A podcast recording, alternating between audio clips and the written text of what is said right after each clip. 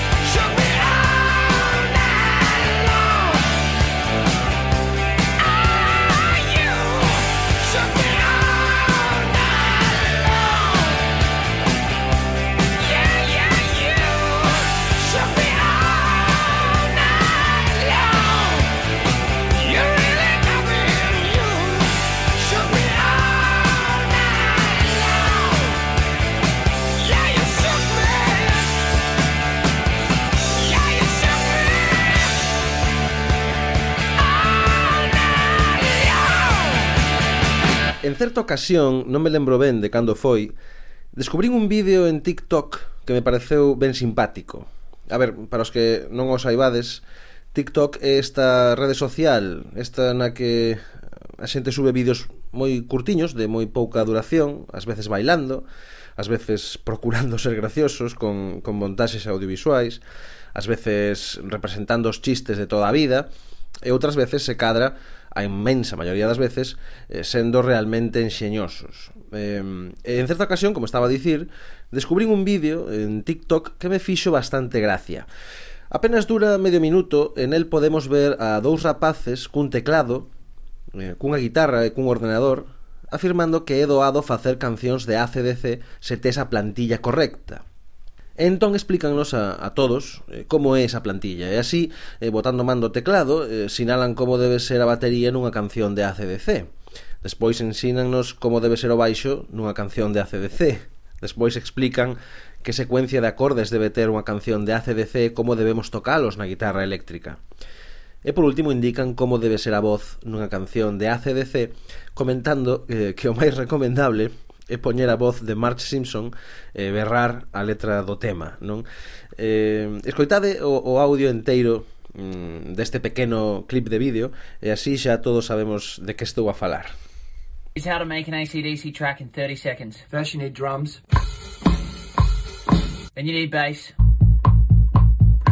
Then you need guitar. All you need to know are three chords A, D, and G. Put them together in any order. And do your best impression of Marge Simpson. What's that? Look out! Dog on the road! What's that? Look out! Dog on the road! Realmente considero que está moi ben pensada esta, esta brincadeira eh, Porque, como adoita acontecer coas cousas verdadeiramente graciosas Fainos rir porque é verdade, non? Porque é certo A CDC sempre usan ese ritmo de batería tan plano e tan, tan sinxelo, tan, tan cadencioso e, e monótono, pero que a eles pois tamén lles, lles funciona, non? Eh, e sempre escriben esas liñas de baixo tan, tan repetitivas, tan cuadriculadas, tan invariables. É certo que, que os seus riffs de guitarra sempre se apoian en secuencias de acordes moi semellantes, tocados dun xeito moi similar, e as melodías de voz, especialmente dende a chegada ao grupo de Brian Johnson, eh, dan a sensación de consistir todo o tempo na mesma melodía, eh? modificada mínimamente dunha canción a outra ao longo de toda a súa carreira, especialmente nos estribillos, que adoitan consistir en, en berrar o título da canción, e xa está. Eh, sen embargo, o certo é que son temazos todos eles, non? Eh, idénticos entre sí, pero pero de algún xeito máxico, de algún xeito inexplicable, son eh, totalmente diferentes. Estaba a dicir que o das melodías é especialmente evidente dende a chegada á banda do cantante actual, de Brian Johnson. Debemos recoñecer que o seu cantante anterior, Bon Scott, era moito máis creativo no que se refire ás liñas vocais eh, dos temas de ACDC. Non? Para moitos, de feito, Bon Scott é o verdadeiro cantante de ACDC, por así dicilo, non? O tipo que lle deu a banda o seu espírito, Scott é para moitos fans o auténtico gran líder de ACDC ao longo da historia eh, xunto, con, xunto con Angus Young, claro, o guitarrista. Eh, Resulta ben curioso porque en realidade Bon Scott estivo no grupo dende 1974 ata que faleceu en 1980 Solamente seis anos, mentes que Brian Johnson é o cantante de ACDC dende 1980 ata a actualidade. Pero, en fin, así son os sentimentos da xente, non? Non se poden explicar dun xeito racional e moito menos cando a cousa ten que ver con, con gustos musicais. Ese ano, polo tanto, como dicía, foi clave, non? 1980. Brian Johnson chegou á CDC despois de facer unha proba, tan só un par de meses despois do falecemento de, de Bon Scott. Para o grupo seguramente non foi doado, eh, o teu líder e cantante morre, tes que decidir se continúas ou non, eh, e de continuar, tes que decidir a quen elixes como novo novo cantante. Foi o propio Angus Young, o, o mítico guitarrista do grupo, non? Un dos irmáns Young, o que, o que comentou nunha entrevista que de non ter continuado, o defunto Bon Scott meteríalles unha patada no cu. E a verdade é que eu estou de acordo, non? Eh, bon Scott era un tipo cun carácter realmente magnético. Era intelixente, enxeñoso nas respostas durante as entrevistas, era un tipo burlón, sempre estaba a sorrir con ese xesto de pícaro tan seu, eh, pero ao mesmo tempo daba impresión de ser un home un tanto atormentado. Por momentos parecía un tolo, coa cabeza baleira, por momentos un hooligan, amigo de montar Hortas, e por momentos parecía un artista cun gran talento para o rock and roll. Faleceu, segundo a historia oficial, debido a unha intoxicación etílica a noite do 19 de febreiro de 1980 en Londres. Pero as cousas parece ser que non están tan claras como todos pensábamos, especialmente a medida que os biógrafos da banda e do propio Bon Scott van obtendo máis e máis datos sobre o que aconteceu realmente eh, aquela noite, a noite da súa morte. E a ese episodio en concreto imos dedicar o programa de hoxe. Imos intentar arroxar un pouco de luz sobre a morte do primeiro cantante e líder de ACDC, sobre a noite na que morreu o xenial Bon Scott. É Manuel de Lorenzo, quen está hoxe fronte ao micro, E aquí, despois desta longa introdución eh, que como vedes, en fin, serviunos para dar un pouco de contexto eh, a, a todo isto, arrinca Cara B.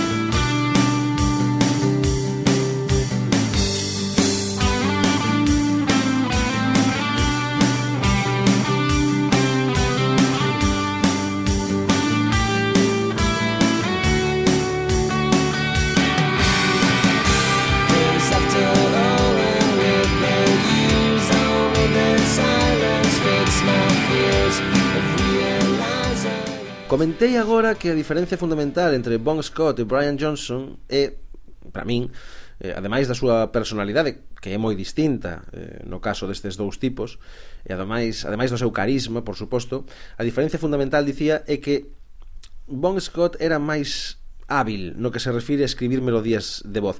Isto, insisto, é unha opinión persoal, claro. Aquí non hai non hai valoracións obxectivas, pero teño a sensación de que era así. Mm, dende, dende que faleceu, dende o seu pasamento, eu voto de menos nos ACDC de Brian Johnson, eh, perdón, de Brian Johnson cancións eh, como este himno do ano 1979, eh, escrito por Bon Scott, eh, con riff de guitarra de Malcolm Young, Highway to Hell. Eh, un tema no que, por certo, veredes que a plantilla que escoitamos eh, ao comezo do programa cúmprese estritamente. E apreciarades tamén o, to o talento vocal de Bon Scott, que semella facer, semella facer o que fai apenas en esforzo, non? Chegando a notas moi altas con, con moita facilidade, un pouco a diferenza de Brian Jones que sempre dá a impresión de estar ao límite con ese falsete seu, non? Ainda, ainda que iso tamén mola un montón, claro, eu non, non o nego. Non sei, son, son eh, cantantes distintos. Aquí, como vedes, eh, votamos bastante de menos o talento de Bon Scott. Highway to Hell.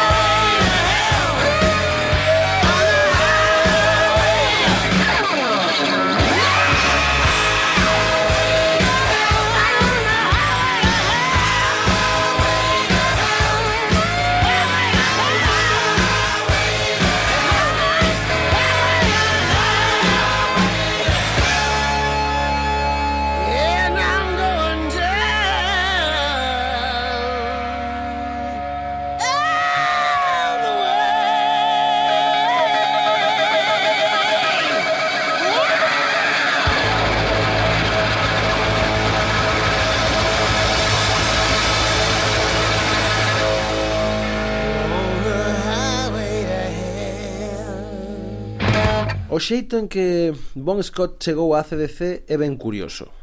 Pouco antes de morrer, el mesmo contaba nunha entrevista, eh, se non lembro mal, a televisión pública francesa, que foi fichado como cantante a bordo dunha furgoneta cando levaba o grupo sendo el o conductor do vehículo. Dicía, cando recollín o grupo no hotel era o seu chofer, cando os levei de volta xa era eh, o seu cantante.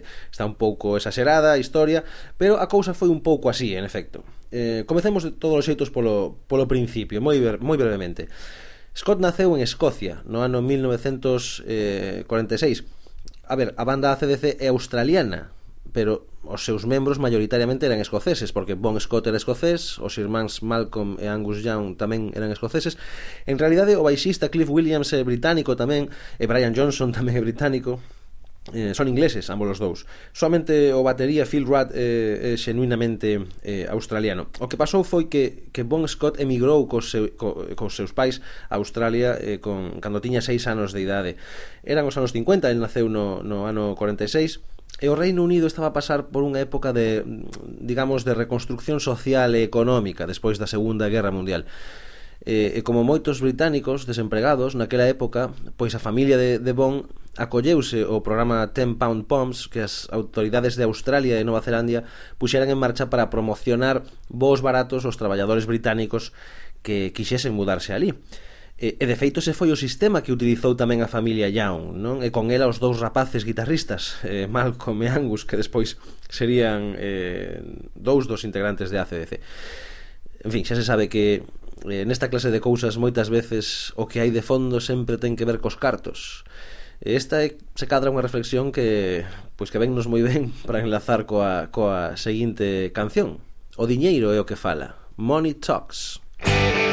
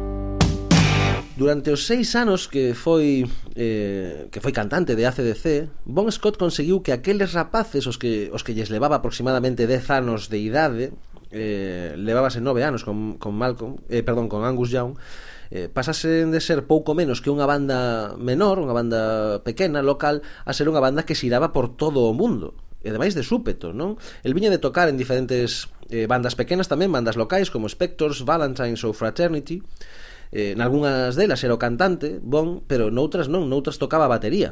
Eh, o seu carácter era decidido, e sempre andaba metido en problemas, gustáballe beber, gustáballe andar nos pubs, gustáballe pelexar con calquera que o mirase mal.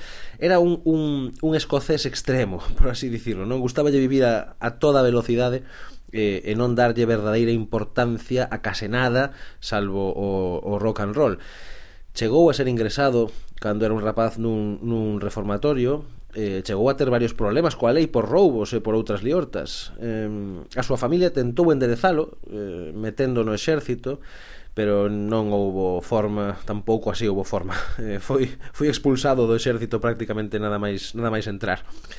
Pero eh, a súa sorte cambiou no ano 1974, cando tiña 28 anos de idade Eh, como antes comentaba, eh, Scott conseguiu un traballo como conductor e guía dun grupo de rapaces moi novos eh, pensade que Angus tiña entón 19 anos eh, un grupo de rapaces que estaban a realizar unha pequena xira local por Adelaida, en Australia. Eh, o seu nome era, claro, ACDC eh, aqueles tipos non estaban contentos co seu vocalista, Dave Evans. E cando lle comentaron o conductor daquela furgoneta, Bon Scott eh, que por certo coñecía o irmán maior de Angus e de Malcolm Young porque este tocaba nos Easy Beats, que era un grupo eh, australiano tamén, amigo dos Fraternity, onde, onde tocaba Scott. Entón, eh, o cantante, Bon Scott, rapidamente ofreceuse a ser eh, o novo vocalista de ACDC. Non? Ali mesmo, na, na, na furgoneta na que transportaba os irmáns Young eh, o resto de ACDC por Adelaida para ir tocar. E aquela mesma tarde, cando falaron, Pois Bon Scott e, e, e o resto dos, dos membros de ACDC metéronse nun cuarto e estiveron a ensayar estiveron a probar a Scott durante horas eh, como, como vocalista e cando saíron de ali xa estaba en marcha o plan para votar a, a Dave Evans do grupo e para fichar a Bon Scott como novo cantante de ACDC. Finalmente, en outubro dese ano 1974, Dave Evans eh, abandonou a banda e Bon Scott pasou a ser o novo vocalista e tamén compositor e, por suposto, eh, xunto con Angus, aclamado líder de ACDC.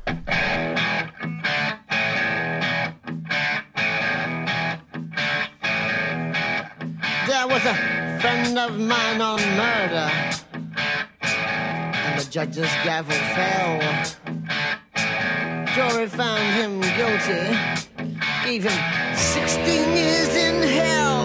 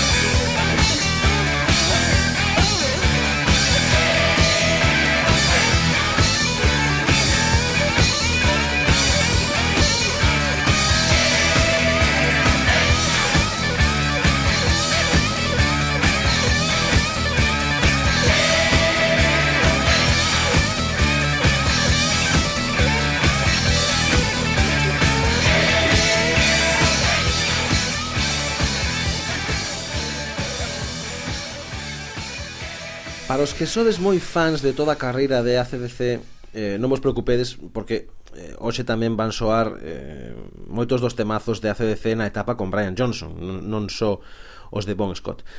Ben, eh, como dicía, con, con Bon Scott na banda, ACDC romperon nas listas de vendas de todo o mundo, non? E chegaron ao top 10 da lista Billboard estadounidense, especialmente despois do éxito do álbum Highway to Hell en 1979, co cal definitivamente convertéronse en ídolos do rock a nivel mundial eh, a altura de, de Led Zeppelin, de Motorhead, de Pink Floyd ou de The Who, non? Eh, pero nese momento foi tamén cando as prácticas autodestructivas de Bon Scott chegaron á súa cúspide, non? A propia grabación de Highway to Hell, por exemplo, foi desastrosa. Bon chegaba varias horas tarde ás sesións no estudio, e cando chegaba vieselle seriamente prexudicado debido debido pois fundamentalmente aos efectos do alcohol e das drogas, non? O disco quedou genial, eh? é un discazo, unha verdadeira maravilla, pero claro, a costa de moitas broncas e de moitas dores de cabeza.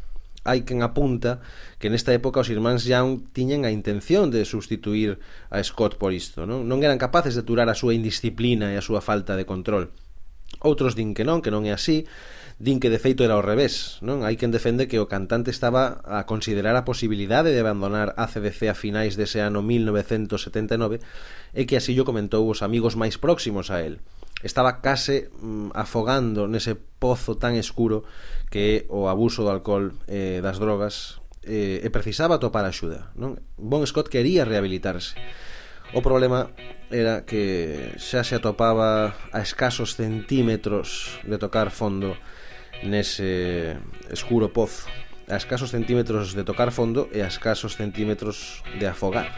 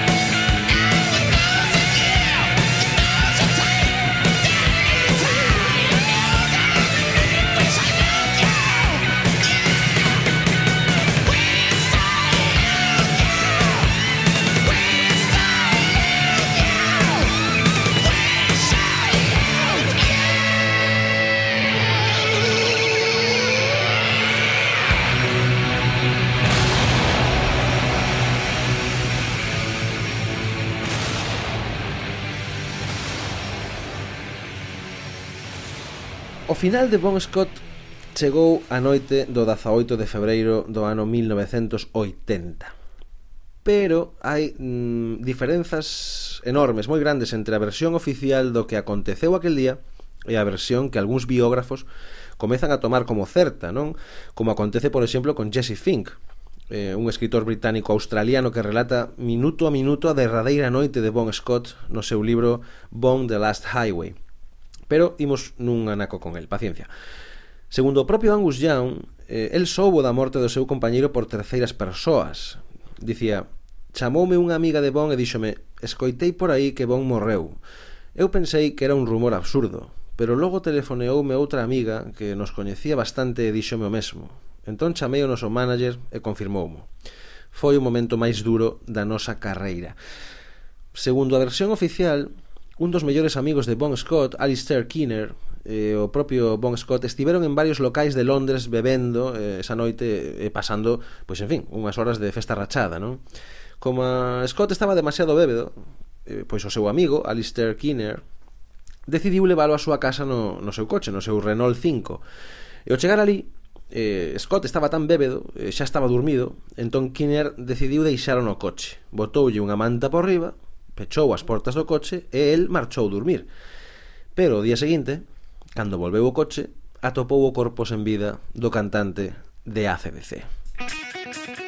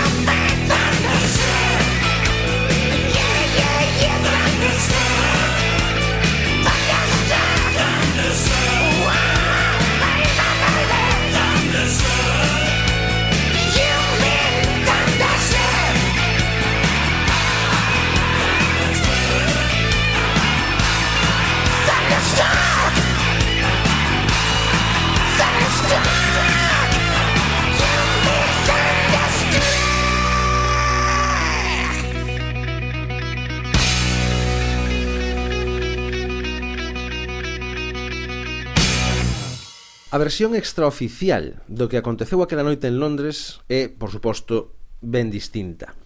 Jesse Fink, o biógrafo do que vos falaba antes, sostén que Bon Scott e os irmáns Young naquela época xa non se levaban ben. Eh? Non era que Bon eh, quixese rehabilitarse que tamén ou que eles estiveran eh, a pensar en cambiar de cantante pola súa eh, indisciplina sen máis, non? Era que a cousa estaba a piques de esnaquizarse.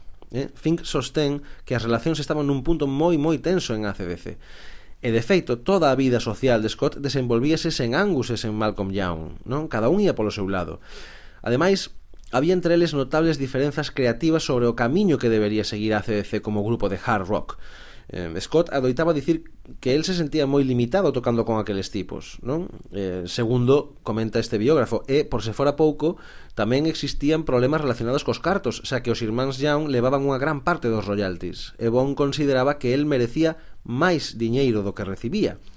De feito, segundo Fink, eh, segundo Jesse Fink, eh, Bon Scott tiña na súa conta bancaria 31.162 31, dólares cando morreu que aínda que era claro, moito máis diñeiro entón do que sería na actualidade, pois tratábase dunha cantidade bastante ridícula para o cantante dun grupo que estaba a triunfar, co seu disco máis vendido ata o momento, Highway to Hell, e que ademais estaba a piques de lanzar o que aínda hoxe o segundo disco máis vendido da historia de Estados Unidos con 50 millóns de copias, só por debaixo do álbum Thriller de Michael Jackson. Un disco no que, por certo, rumorease que hai un bofeixe de temas escritos por Bon Scott en realidade e que nunca puido reclamar porque morreu antes da publicación do álbum. Mm, de tal xeito que foron os irmáns Young os que, segundo estas especulacións, quedarían cos créditos deses temas. Un deles, por exemplo, eh, o tema, a canción coa que abrimos o programa de hoxe, You Shook Me All Night Long. Moito ollo, eh? Cuidado. Por suposto, xa sabedes de que disco estou a falar, ese disco con 50 millóns de copias vendidas só por debaixo do álbum Thriller de Michael Jackson. Estou a falar do formidable álbum Back in Black,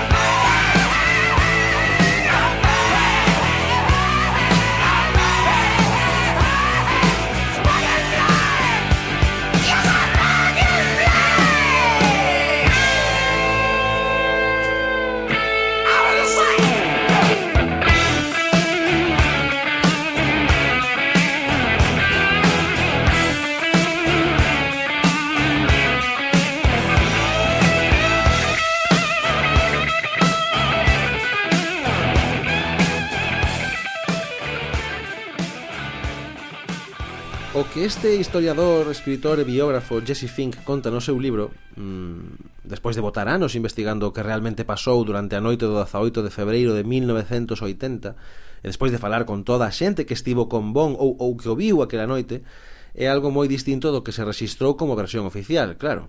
Fink conta na historia que publicou que Alistair Kinner era, en efecto, amigo de Bon Scott, pero sobre todo era un traficante de heroína. De feito, se cadra por iso era amigo de Bon, non? O cantante estivo con, con aquel tipo toda a noite, toda aquela noite, e consumiu eh, a droga que, coa que traficaba en grandes, grandes cantidades, non? De tal xeito que tivo unha sobredose, según este Jesse Fink. A, un, a única dúbida que ten Fink é se Scott morreu na, no coche, no coche durante a noite, despois de que Kinner o deixara ali para ir dormir á súa casa, eh, despois da sobredose pensou que non era para tanto ou se faleceu antes de chegar ao coche non? se Bon Scott morreu antes a causa desa sobredose e despois este Alistair Kinner meteu no no vehículo coa axuda das persoas que os acompañaron durante toda aquena, aquela noite que segundo Jesse Fink eran moi probablemente outros tres tipos máis. Algún pensará que basta con localizar a este tal Alistair Kinner, interrogalo e presionalo, non? Ata facelo falar. O problema é que non hai rastro dese fulano eh, dende, dende aquel día. Desapareceu. Ben, sí que hai, sí que hai un, a diferencia de outros casos, sí que hai un, houbo un mínimo rastro, deixou un mínimo rastro, non? Sábese que viviu en Estepona, en Málaga, eh, durante algúns anos, pero a partir do ano 2006 xa non temos máis pistas sobre ningún dos seus eh, movimentos. Soamente existe un certificado por defunción no Registro Civil de Madrid do ano 2015 que coincide co seu nome. E iso moito me temo, é todo, amigos.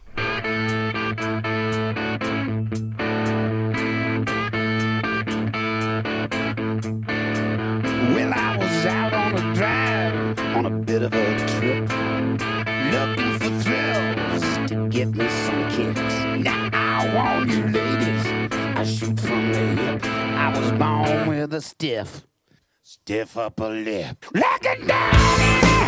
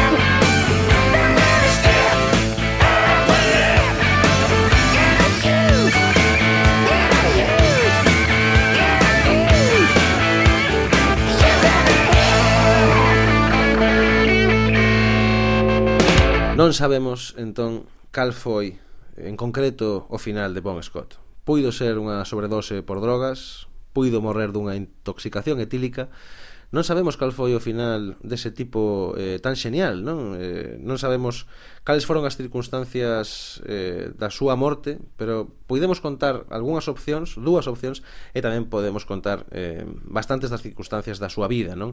Era un tipo nacido para ser unha estrela do rock, para vivir dese xeito vertixinoso no que se traduce o rock and roll como forma de vida, e, e para morrer en, en consecuencia. E así vos lo contamos neste programa de hoxe no que, como sempre, trouxemos vos outras historias, outras desas historias agochadas nas páxinas que dan forma ás lendas musicais. Esas historias, como a de, a de Bon Scott, que nos ofrecen unha cara, unha cara pouco coñecida da música e dos seus protagonistas, que nos amosan esa cara da que non se adoita falar case nunca, a cara B dos feitos cos que se construíron os mitos do rock e o pop.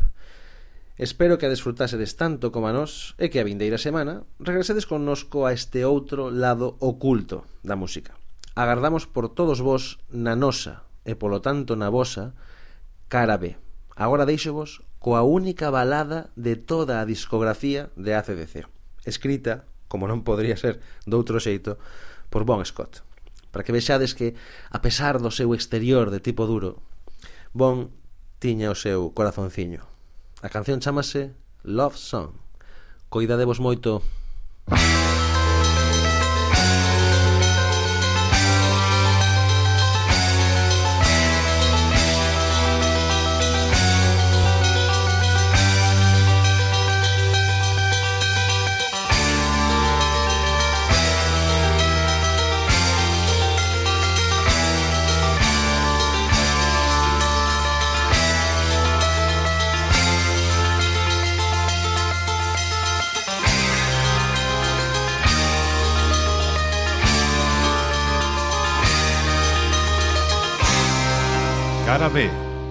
Manuel de Lorenzo.